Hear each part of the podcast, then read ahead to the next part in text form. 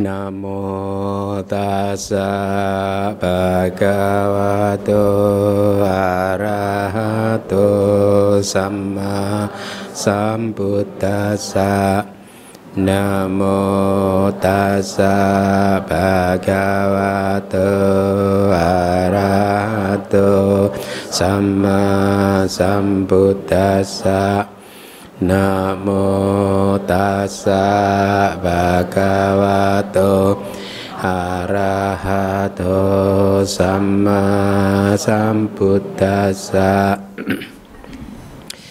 Baik, uh, selamat malam. Semoga Anda semua dalam keadaan sehat.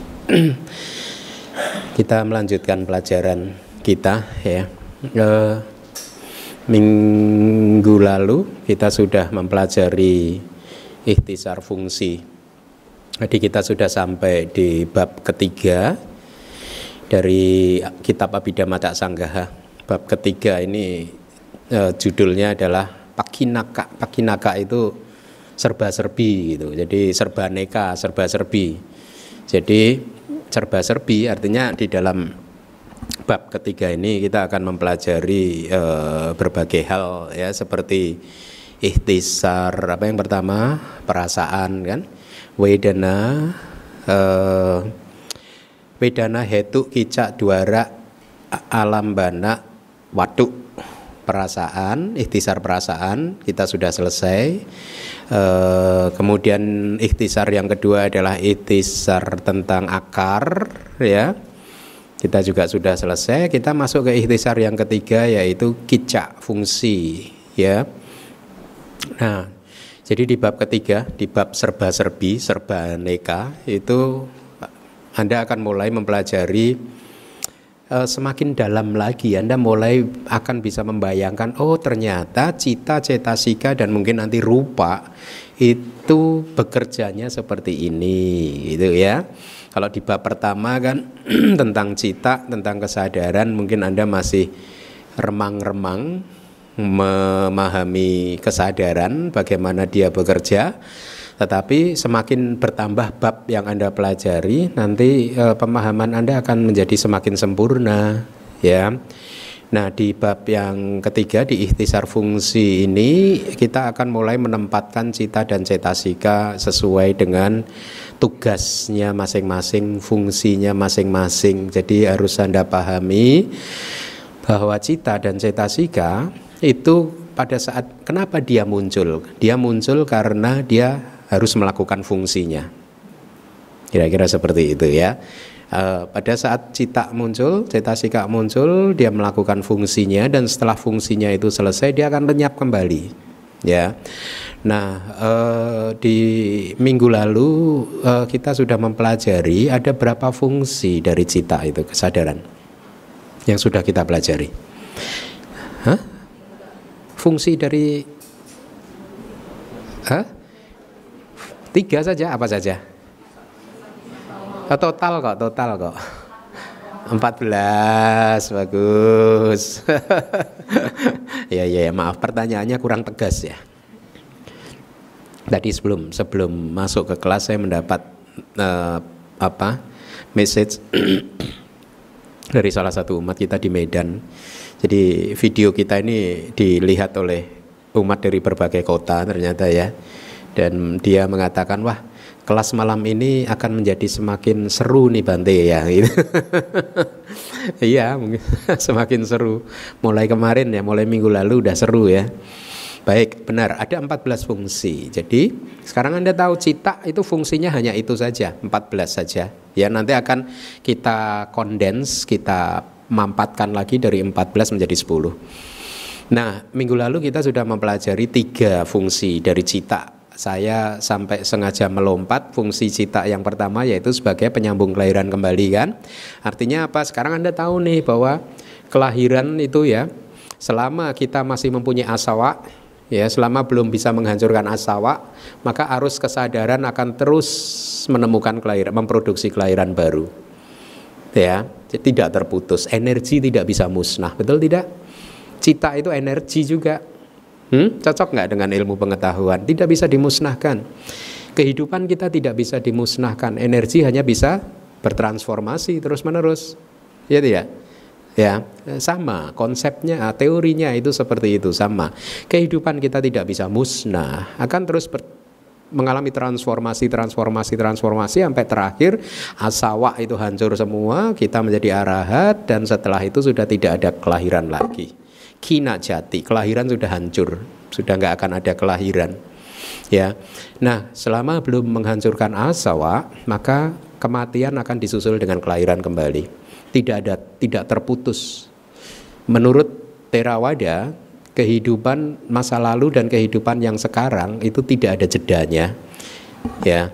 Ini uh, pemahaman yang dianut di mayoritas Terawada meskipun sekarang juga berkembang ada jedanya, ada alam-alam jeda seperti itu tetapi kita mayoritas Terawada uh, memegang pemahaman bahwa kehidupan satu dan kehidupan yang kedua tidak ada jedanya sama sekali. Sama hari ini hari Sabtu. Jam 12 malam, tengah malam nanti masih hari Sabtu kan? Satu detik kemudian sudah pindah hari Senin. Eh, iya. Bayangkan saya minggu aja udah mulai. Berarti ada jedanya minggu ya. Berarti hari Sabtu dan hari Minggu ada jedanya nggak? Ah, nggak ada kan? Jam 12 teng masih hari Sabtu ya berarti ya. Lebih satu detik udah Senin eh Minggu ya. Pengen Senin aja. Kalau Minggu soalnya banyak tugas. ya, seperti itulah kira-kira satu kehidupan dan kehidupan yang lain itu begitu satu kehidupan selesai maka kehidupan berikutnya langsung muncul ya.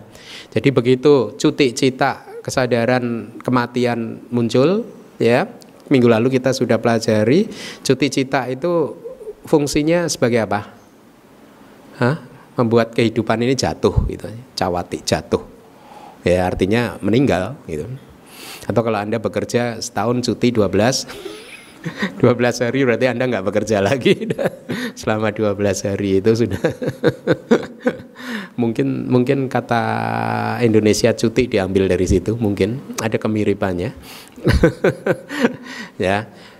Nah eh, kemudian kesadaran pertama di dalam setiap kehidupan disebut apa? Pati sandi winyana. Kesadaran penyambung kelahiran kembali ya. Kemudian tugas cita yang kedua adalah sebagai bawangga ya. Kenapa tugas dari bawangga itu apa? Mempertahankan kehidupan kan? Hmm? Mempertahankan eksistensi mempertahankan kehidupan. Nah, nah minggu lalu juga sudah saya sampaikan bahwa ketiga fungsi tadi dilakukan oleh cita yang sama ya. Sama itu dalam artian hanya namanya saja bukan wujudnya yang sama ya. Artinya ini penyambung kelahiran kembali nanti ini juga yang jadi bawangga ini juga yang jadi cuti enggak. Katakanlah anda seseorang atau seseorang terlahir dengan patik sandi winyananya adalah mahawipaka yang pertama, kesadaran resultan besar yang pertama, maka sepanjang hidup dia bawangga citanya juga mahawipaka yang pertama dan nanti dia meninggal dunia juga dengan bawangga uh, mahawipaka yang pertama. Jadi dengan kata lain Anda juga bisa mengatakan bahwa sebenarnya patik sandi winyana kemudian bawangga dan cuti cita itu semuanya adalah bawangga, penyambung yang mempertahankan kehidupan. Hanya saja kemudian dibedakan bawangga yang muncul di kehidup di detik pertama di setiap kehidupan diberi nama khusus sebagai pati sandi winyana.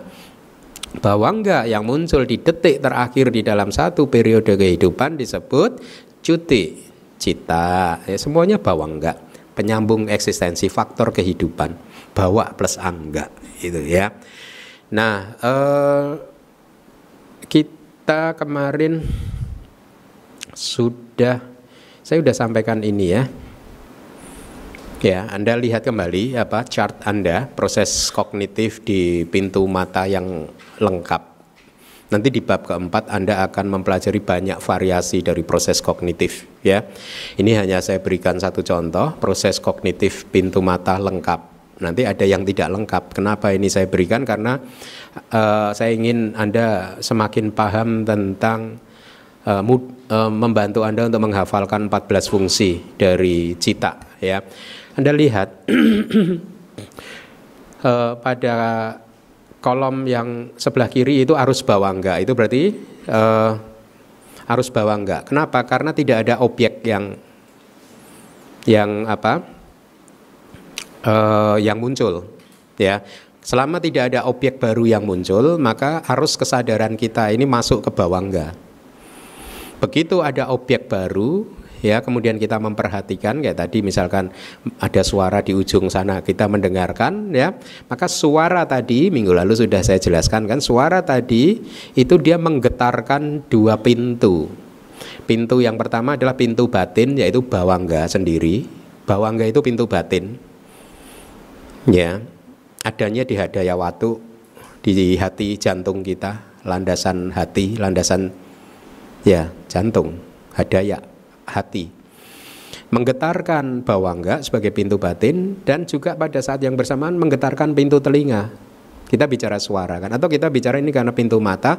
Kalau ada objek mata muncul dan kita memperhatikan maka objek mata tadi menggetarkan dua pintu sekaligus secara bersamaan yaitu pintu batin atau bawangga dan yang kedua adalah pintu mata ya. Sehingga karena dia menggetarkan pintu batin yaitu bawangga maka anda lihat itu arus bawangganya mulai terganggu. Ada angka nomor satu sehingga itu hanya diberi istilah seperti itu supaya kita mudah untuk memahaminya ya. Jadi sebenarnya itu semua arus bawangga kan?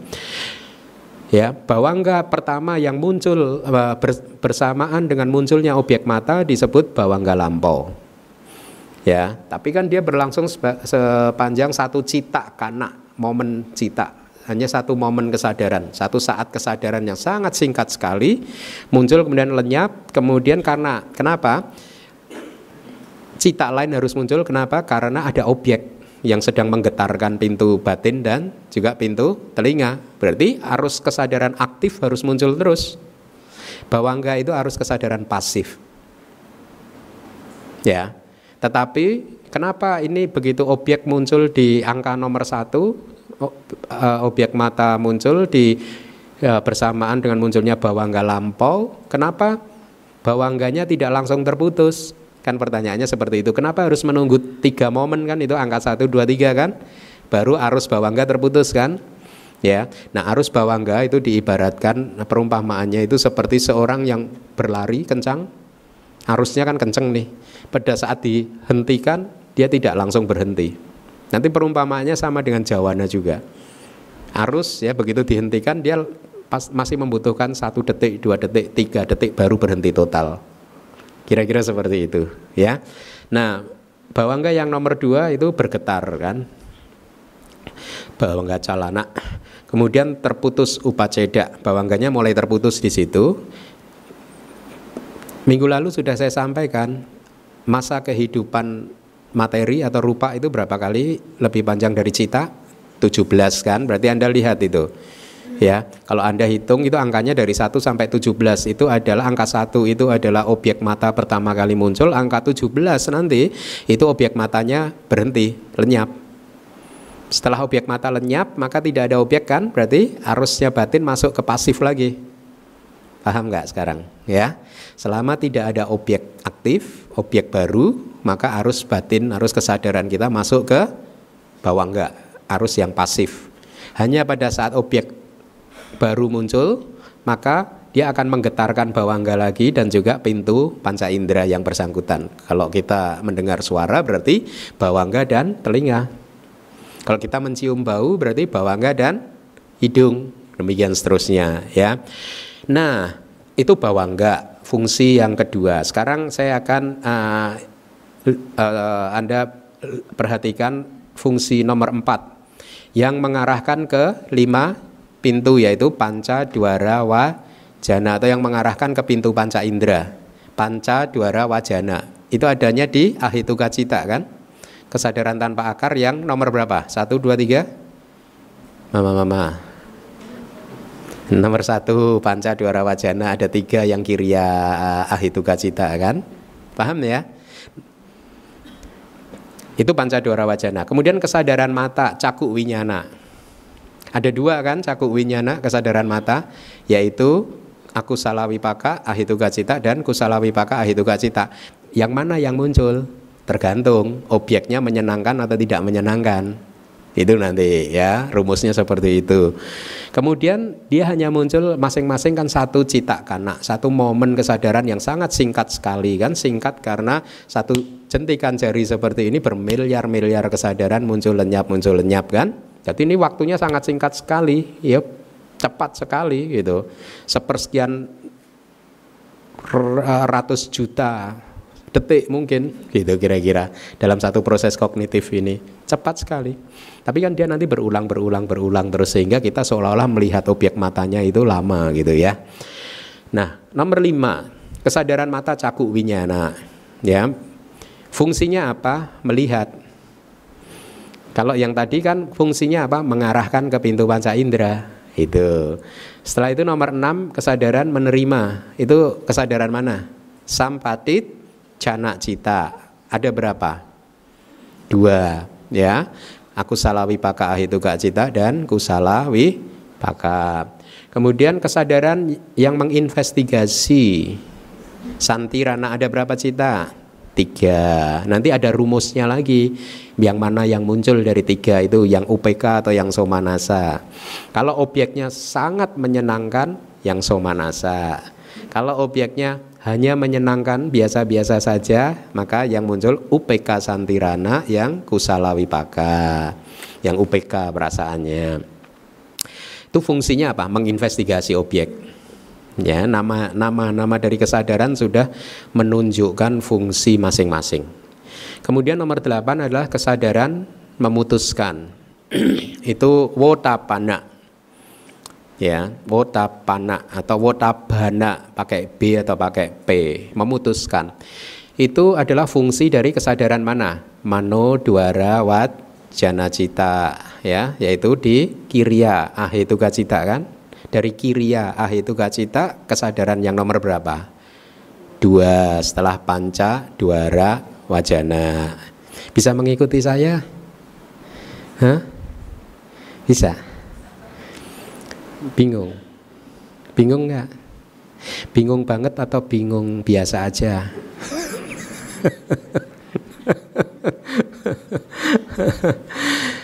nah setelah itu ada tujuh momen yang sama jawana.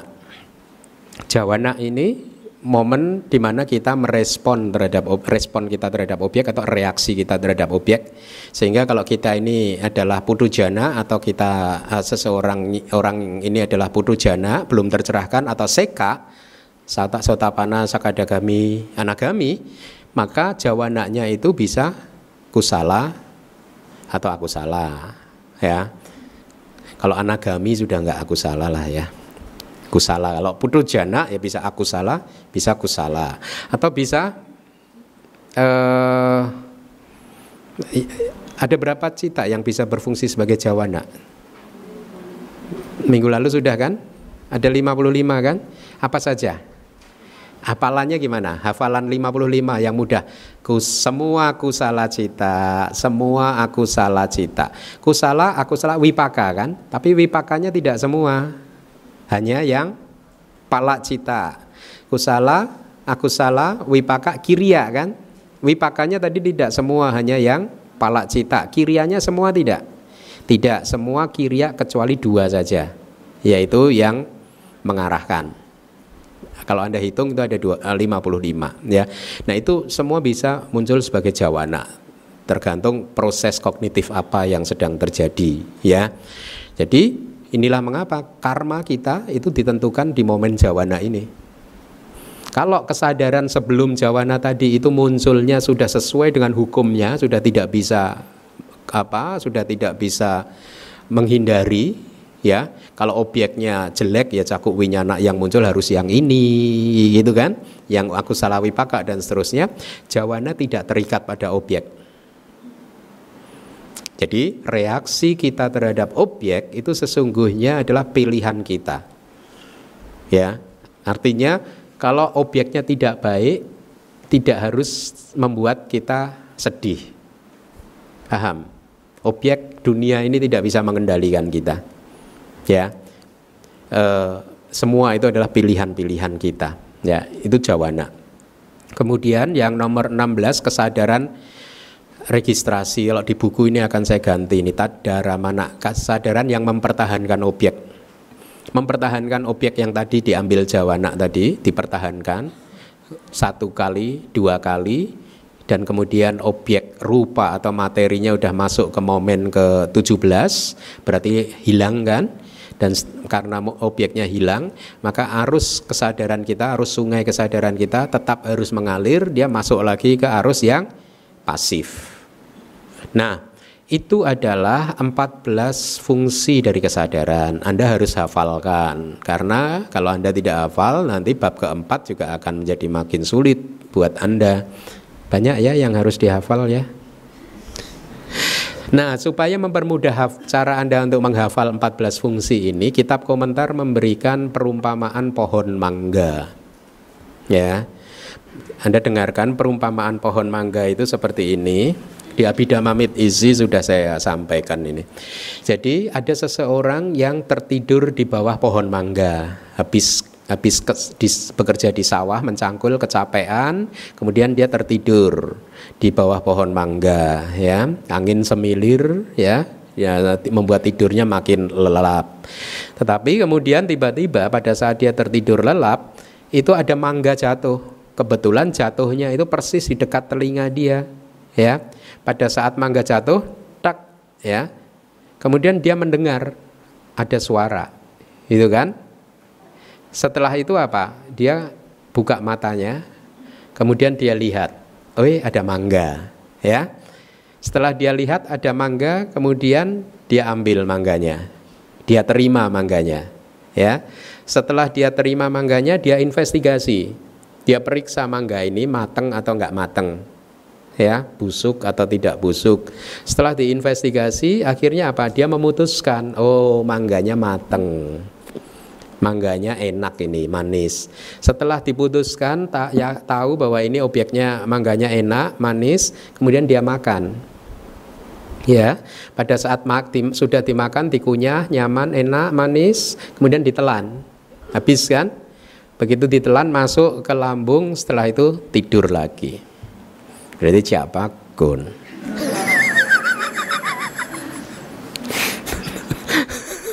Ya. Nah anda hafalkan perumpamaan itu karena itu urut-urutannya sama dengan urut-urutan di dalam uh, eh, 14 fungsi. Jadi saya ulangin lagi, seseorang seorang laki-laki yang habis bekerja keras tidur di bawah pohon mangga, tertidur pulas itu perumpamaan untuk arus bawangga.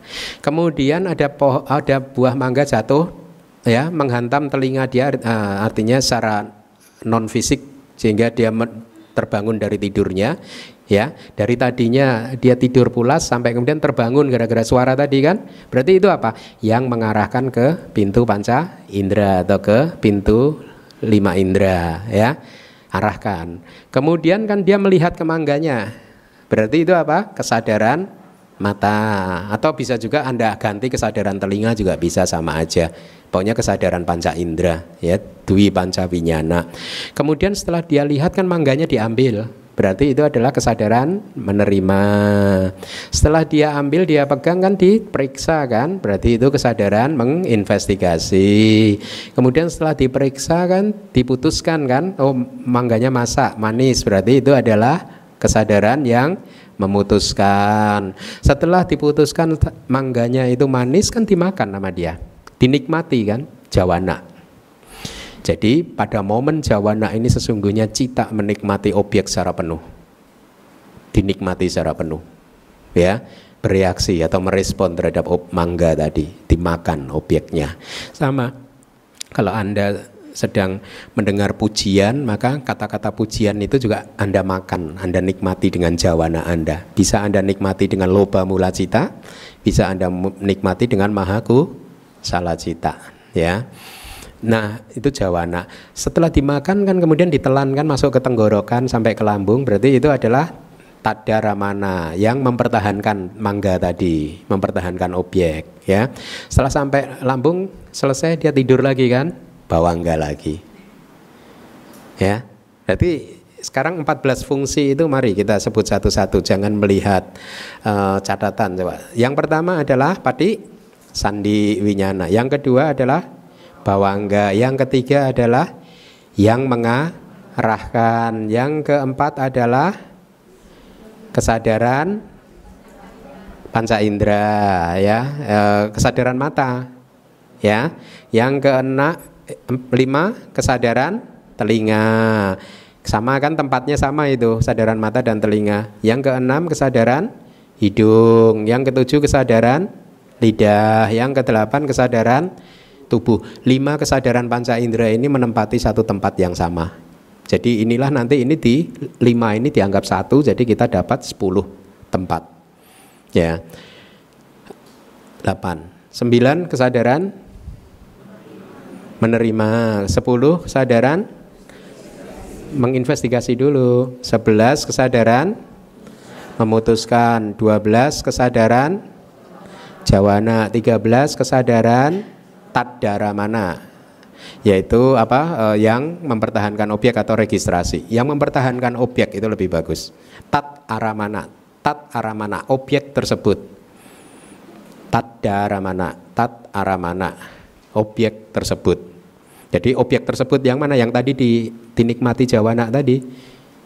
Kalau di kitab komentar itu diberi perumpamaan seperti Jawana itu seperti arus sungai yang tersibak karena uh, perahu yang berjalan. Perahu berjalan kan ada sungai yang mengikutinya kan? Ya sungai yang mengikuti perahu tadi itu perumpamaan tadara mana? Dia mengikuti apa yang dilakukan Jawana. Masih ada aftertaste. Ya setelah menikmati masih ada lah sedikit-sedikit ininya rasanya gitu. Tat darah mana ya yang mempertahankan objek tadi gitu. Kalau kalau kalau arti literalnya ya tat aramana objek tersebut. Gitu. Itu 13. Kemudian fungsi ke-14 apa? Cuti. Nah, berarti Anda sudah dapat 14 fungsi dari uh, cita ya. Uh, Tadi saya katakan bahwa jawana, momen jawana tujuh kali itu, arti dari jawana itu seperti lari cepat gitu loh. Seseorang yang lari kenceng gitu. Ya. Lari kenceng. uh, artinya apa? Pada saat dia merespon uh, apa uh, bereaksi terhadap objeknya ya dia lari merespon bereaksi selama tujuh momen dari uh, jawana tersebut uh, jawana itu ya. Nah, nanti di bab kelima anda akan diajarkan bahwa ini kan karma tadi ya enggak? Ada tujuh jawana kan? Karma. Dari tujuh jawana itu jawana yang pertama sebagai karma kalau berbuah dia harus berbuah di kehidupan yang sama dengan karma itu dilakukan Jawana yang ketujuh yang terakhir kalau berbuah dia akan berbuah di kehidupan setelah ini persis setelah ini. Lima jawana yang di tengah sebagai karma kalau harus berbuah dia akan berbuah di kehidupan yang ketiga setelah ini. Ini kehidupan satu kehidupan kedua berikutnya kehidupan ketiga berikutnya lagi. Jadi hanya bisa berbuah mulai di kehidupan ketiga sampai tidak terbatas. Makanya hati-hati dengan karma ya karma sepele kelihatannya itu tapi eh, yang mungkin kita anggap sebagai karma yang biasa-biasa saja tetapi kekuatannya itu bisa memberikan buah hasil tidak terbatas sampai kapan pun. Bahkan banyak kan cerita-cerita karma buruk yang dilakukan seseorang baru berbuah setelah menjadi arahat di kitab suci kita. Padahal karma itu dilakukan di zaman Buddha sebelumnya baru berbuah kali ini setelah dia menjadi arahat kan. Termasuk Buddha sendiri kan sering memetik buah karma buruk yang dilakukan mungkin uh, uh, ribuan tahun sebelumnya kan. Ya, jadi hati-hati dengan karma-karma uh, khususnya karma buruk ya. Kita harus berusaha untuk menghindarinya. Nah, tadi saya katakan jawana itu tidak terikat pada objek Berarti sekarang pertanyaannya Anda mulai harus bertanya berpikir, lalu apa yang menentukan jawana ini supaya uh, positif atau negatif? Supaya bisa kusala atau aku salah. Yang menentukan jawananya apa? Yuniso manasikara. Apa itu yuniso manasikara? Sikap batin yang bijaksana, sikap batin yang benar, yaitu apa? Senantiasa merenungkan apa pun yang kita alami itu adalah fenomena yang anicca, duka, anatta. Kalau Anda mengalami kejadian apa pun, lihatlah bahwa yang Anda alami hanyalah sesuatu yang anicca, duka, dan anatta. Pada saat Anda melihat itu semua, maka jawana Anda kusala. Tapi kalau Anda terseret oleh objek dan malah terjebak pada waduh saya akan menderita selama-lamanya, nah itu aku salah. Atau saya akan bahagia selama-lamanya, itu loba mula cita. kelekat eh, saya tadi diskusi sama tim yang membuat buku kedua, ternyata kemelekatan itu tidak eksis di KBBI Kamus Besar Bahasa Indonesia. tidak ada kata kemelekatan, yang ada pelekatan. kita harus mengganti kemelekatan dengan pelekatan ya. Yang ada hanyalah pelekatan. ya, jadi dengan pengetahuan abidama ya hendaknya juga bisa apa membantu ke, uh, kehidupan Anda sehingga kualitasnya makin positif yaitu salah satunya dengan terus-menerus mengembangkan keterampilan Anda untuk untuk uh, mengaplikasikan Yoniso Manasikara terhadap apa pun yang masuk ke pintu panca indera, terhadap apa pun yang Anda lihat. Oh, anicca duka anatta. Anda mendengar suara, lihat, dia hanyalah suara yang anicca, duka dan anatta. Atau Anda mencium bau dengan hidung dan panca indera yang lain, semuanya hanya anicca, duka, anatta pikiran Anda, obsesi-obsesi Anda, semuanya juga anicca, duga dan anatta, ya. Semua emosi-emosi kita, semua juga anicca, duga dan anatta. Kemarahan kita, kebencian kita juga anicca, duga dan anatta. Kebahagiaan kita juga anicca, duga anatta, ya. Keberhasilan kita juga anicca, duga anatta. Cinta kasih meta kita anicca, duga anatta. Semua anicca, duga anatta. Ya. Dan yang menarik adalah pada saat kita persepsi kita bahwa semua fenomena itu anicca, duga dan anatta ternyata kebahagiaan menjadi semakin kuat dan stabil. Ya, maka kembangkanlah Yuniso Manasikara di dalam kehidupan Anda sehari-hari, ya. Nah, eh,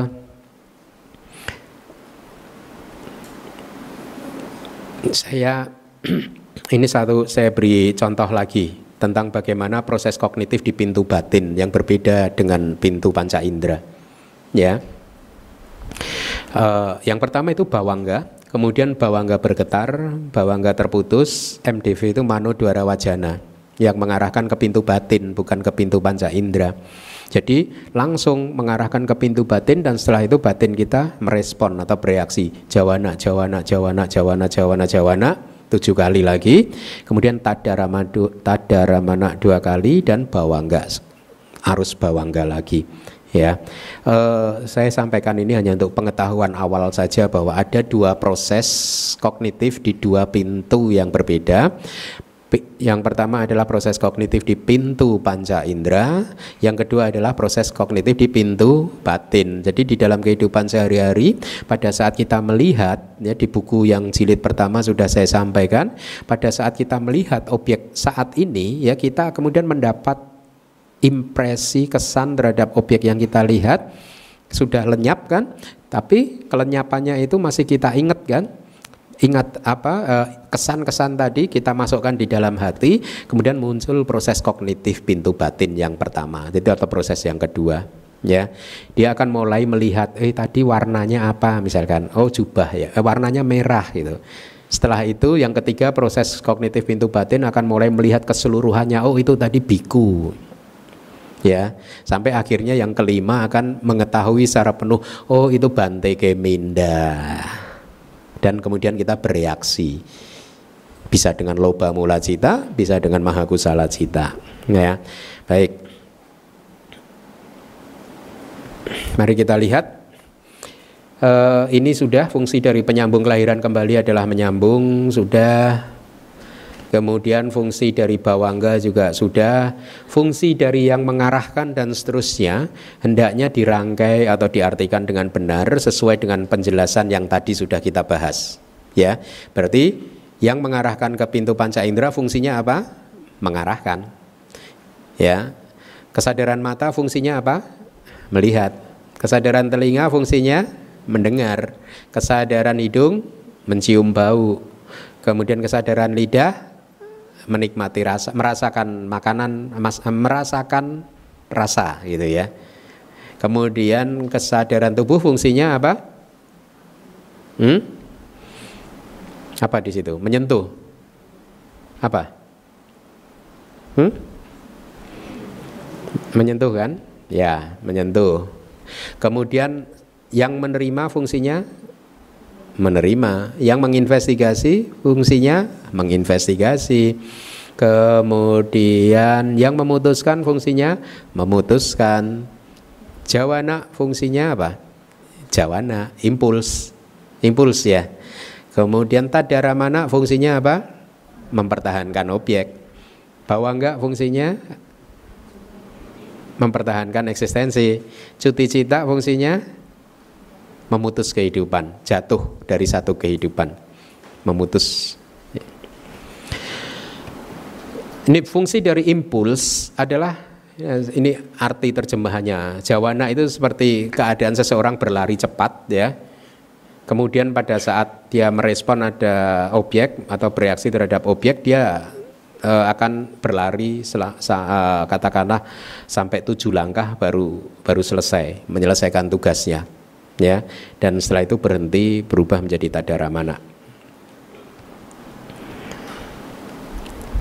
Fungsi dari yang mempertahankan objek dikenal juga sebagai tat alambana, tadalambana, bukan tat aramana, sama tat daramana dan tat dalam bana itu sama adalah memperlakukan objek sebagai objek. Jadi objek yang sudah diambil oleh impuls tersebut. Ya, artinya fungsi dari yang mempertahankan adalah mempertahankan objek yang sudah diambil oleh jawana. Jadi itu kata bahasa sekarangnya seperti itu. Kalau kita ikuti bahasa palinya memang kadang karena ini bahasa 2600 tahun yang lalu. Jadi kadang itu uh, sulit tidak sesuai dengan uh, logika berbahasa kita di zaman yang sekarang. Jadi fungsi dari yang mempertahankan objek atau tadaramana adalah mempertahankan objek yang sudah diambil oleh jawana. Kira-kira seperti itu ya. Fungsi dari kematian adalah kejatuhan dari satu kehidupan tertentu. Arti fungsi dari kematian ya memutus kehidupan, memutus satu kehidupan, itu ya. Selanjutnya uh, harap dibaca hendaknya dipahami bahwa mereka dibedakan berdasarkan tempatnya menjadi sepuluh. Dikarenakan tempatnya menjadi penyambung kelahiran kembali faktor kehidupan yang mengarahkan kesadaran panca indera dan seterusnya. Ya baik. Ini penjelasannya. Perbedaan dengan 14 fungsi terletak di kesadaran panca indera. Ada lima kesadaran panca indera kan, diringkas, dikumpulkan di dalam satu tempat sebagai kesadaran panca indera. Berarti 14 dikurangi 5 eh 14 kurangi 4 kan berarti kan tetap kan karena 5 jadi satu. Jadi 10 tempat. Kira-kira seperti itu. Meskipun menggunakan istilah dana atau tempat, tetapi jangan Anda persepsikan bahwa arus kesadarannya itu seperti ini loh tap tap tap ada tempatnya sendiri-sendiri seperti ini hanya untuk mempermudah kita karena kita kan apa memanfaatkan ini ya dua dimensi. Jadi ya mau tidak mau memang seolah-olah ada tempatnya sendiri-sendiri tetapi sesungguhnya kesadaran itu ya seperti lampu pijar ini loh. Satu tempat aja gitu. Dia muncul lenyap, muncul lenyap, muncul lenyap, muncul lenyap, muncul lenyap terus. Ya, jangan dianggap ada 10 tempat seperti ini. Tempat atau tanah itu hanya salah satu cara yang dipakai oleh guru-guru kita di masa lalu ya bahkan Buddha menggunakan juga kata dana gitu untuk uh, menjelaskan fenomena-fenomena tertentu. Jadi seolah-olah ada tempat-tempat yang berbeda tetapi sesungguhnya arus kesadaran kita seperti lampu pijar ini. Muncul lenyap, muncul lenyap, muncul lenyap terus gitu. Ya. Gitu.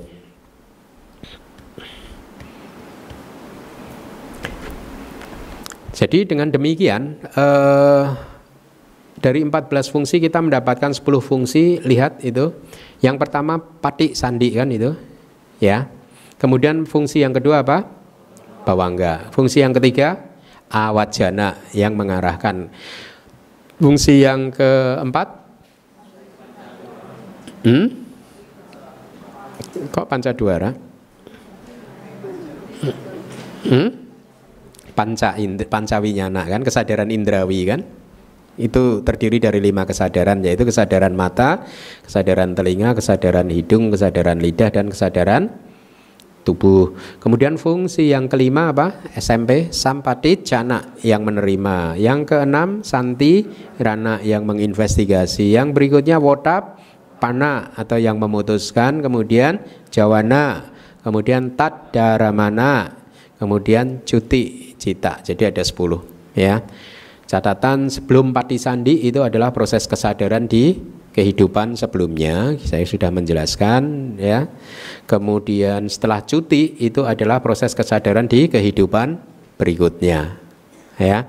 Kecuali seseorang telah mencapai tingkat kesucian arahat di mana setelah cuti sudah tidak ada lagi kesinambungan kesadaran. Padam. Apinya padam. Ya. Lalu hancur berarti musnah kesadaran. Tidak musnah juga. Ya energi tidak bisa dimusnahkan. Lalu kalau tidak musnah jadi apa ya? Itu rahasia arahat. Hanya disebutkan padam saja sih. Jadi padam dia tidak berproses gitu. Karena kalau disebut hancur nanti kita terjebak pada pandangan salah. Ya ada pandangan salah tentang uh, apa uh, uceda didik. Ya jadi ada pandangan salah tentang kehancuran. Setelah satu kehidupan hancur tidak ada sama sekali. Itu pandangan salah. Ya. Nah eh, jadi kita sudah dapat 10 kesadaran. Mari kita eh, 10 fungsi. Mari kita lihat penjelasan berikutnya. 10 fungsi tersebut disusun berdasarkan tempatnya atau bahasa palinya thana ya yang pertama, tempat penyambung kelahiran kembali adalah tempat untuk penyambung kelahiran kembali. Hendaknya dipahami bahwa pada saat penyambung kelahiran kembali telah lenyap, bukan berarti akan tersedia tempat kosong yang telah ditinggalkannya. Tempat ini hanyalah istilah teknis untuk mempermudah kita memahami kesinambungan proses batin, patik, sandi, dana. Paham ya? Kemudian yang berikutnya, 10 fungsi tersebut Oh ya, yang kedua tempat untuk faktor kehidupan bawangga dana. Jadi kalau anda saya beri pertanyaan sebutkan 10 tempat uh, dari fungsi-fungsi kesadaran. Anda harus menyebutnya tadi yang pertama apa? Pati sandi dana tempat untuk penyambung kelahiran kembali. Sekarang bawangga dana tempat untuk bawangga. Awat jana dana tempat untuk yang mengarahkan. Panca winyana dana tempat kesadaran panca indera. Itu adalah tempat untuk lima kesadaran panca indera ya. Kemudian yang kelima adalah tempat untuk yang menerima sampati cana thana yang keenam santirana thana yang ketujuh wotapana thana yang kedelapan jawana thana yang kesembilan tadaramana thana yang kesepuluh cuti thana ya jadi uh, itu. Nah, uh, sebagai teaser kita selesaikan satu syair. Mari kita baca. Sehubungan, Sehubungan dengan dalam hal ini, 19 kesadaran berfungsi sebagai penyambung kelahiran kembali, faktor kehidupan dan kematian, yaitu dua kesadaran investigasi yang disertai dengan ketenangan delapan kesadaran resultan besar dan sembilan kesadaran resultan materi halus dan non materi. Baik, jadi yang bisa berfungsi sebagai kesadaran penyambung kelahiran kembali dari 89 cita atau 121 itu hanya 19 kesadaran. Tidak semua bisa berfungsi sebagai kesadaran yang menyambung dua kehidupan yang berurutan. Mari kita hitung 19 tersebut adalah dua santirana yang disertai dengan ketenangan artinya apa? Dua UPK santirana. Yang somanasa santirana tidak termasuk. Ada tiga santirana kan? Hanya dua. Yaitu yang UPK Santirana yaitu yang kusala wipaka dan akusala wipaka dari ahituka cita atau kesadaran tanpa akar. Berarti kita sudah dapat dua. Kemudian plus delapan berarti sepuluh ya. Kesadaran resultan besar. Ini apa? Bahasa palinya. Mahawipaka. Ini dari kelompok kesadaran mana? Kama so bana. Kesadaran indah lingkup in indrawi. Ada berapa banyak kesadaran indah lingkup indrawi? 24 dibagi menjadi berapa jenis? Tiga jenis. Jenis pertama apa? Maha kusala. Jenis kedua Maha wipaka. Jenis ketiga Maha ki. Masing-masing terdiri dari berapa kesadaran? Delapan berarti tadi cocok delapan kesadaran resultan besar itu bisa berfungsi sebagai kesadaran penyambung kelahiran kembali. Nah, sepuluh jenis kesadaran penyambung kelahiran kembali ini adalah kesadaran penyambung kelahiran kembali di sebelas alam lingkup indrawi. Sepuluh kesadaran itu tadi tidak bisa memunculkan menyambung kelahiran dari satu kelahiran ke alam Brahma tidak bisa. Dia hanya bisa menyambung kelahiran kalau UPK Santirana yang aku salah wipaka itu menyambung kelahiran menuju ke kelahiran di empat alam rendah. Yang UPK Santirana aku salah wipaka. Anda harus lengkap menyebutkannya. UPK Santirana yang kusala wipaka akan memunculkan kelahiran di mana? Ya dewa rendah bisa. Kalaupun sebagai manusia ini maaf itu manusia yang cacat sejak lahir. Nanti di bab ke empat atau kelima kita belajar ini.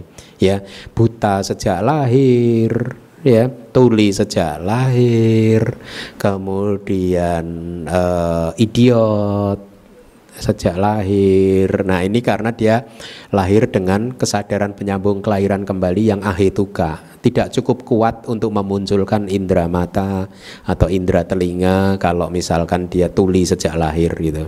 Ya. Atau kalau maaf uh, mentally deranged gitu. Eh, kesadaran penyambung kelahiran kembalinya yang tanpa akar tidak cukup kuat untuk membentuk uh, uh, apa uh, membentuk kualitas mentalnya supaya sempurna. Akhirnya dia idiot itu atau apa uh, apa? Down syndrome. Kira-kira seperti itu ya. Nah delapan yang berikutnya kesadaran mahawipaka itu adalah kesadaran penyambung kelahiran kembali untuk kelahiran di mana alam manusia dan enam alam dewa surga Ya.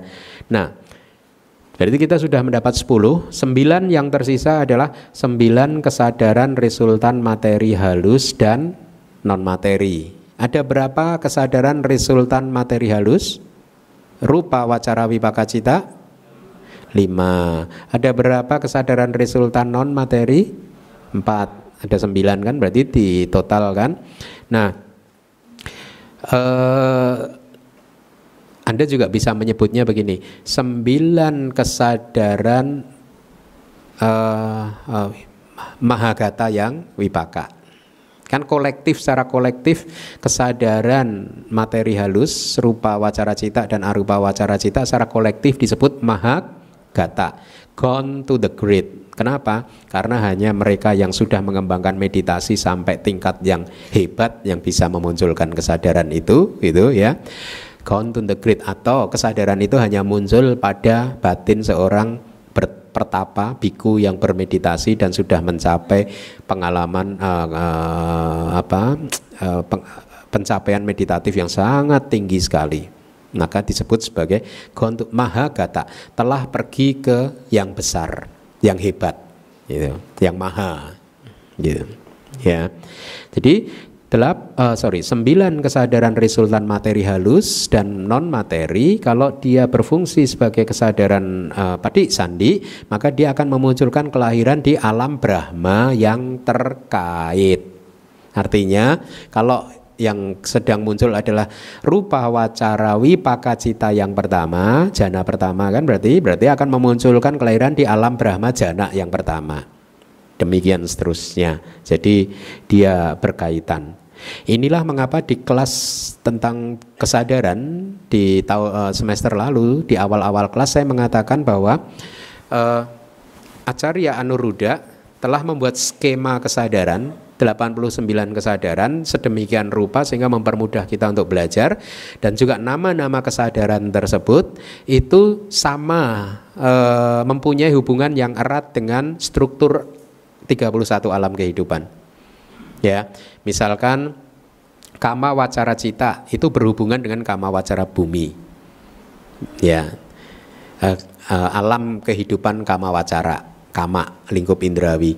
Rupa wacara cita kaitannya erat dengan alam kehidupan di alam Brahma rupa wajar uh, alam Brahma materi hal, materi halus arupa wacara cita berkaitan dengan alam kehidupan arupa Brahma arupa dia berkaitan ya oleh karena itu kan definisi kesadaran kalau anda masih ingat apa definisi kama wacara cita definisinya adalah kesadaran yang biasanya muncul di alam lingkup indrawi apa definisi rupa wacara cita kesadaran yang biasanya muncul di alam Brahma materi halus.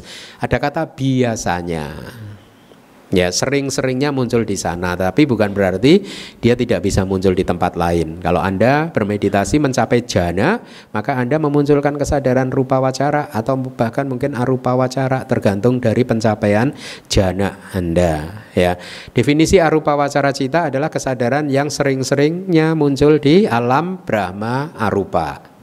Lokutra cita kesadaran yang melampaui dunia melampaui 31 alam tadi, melampaui dunia pancakanda. Ya.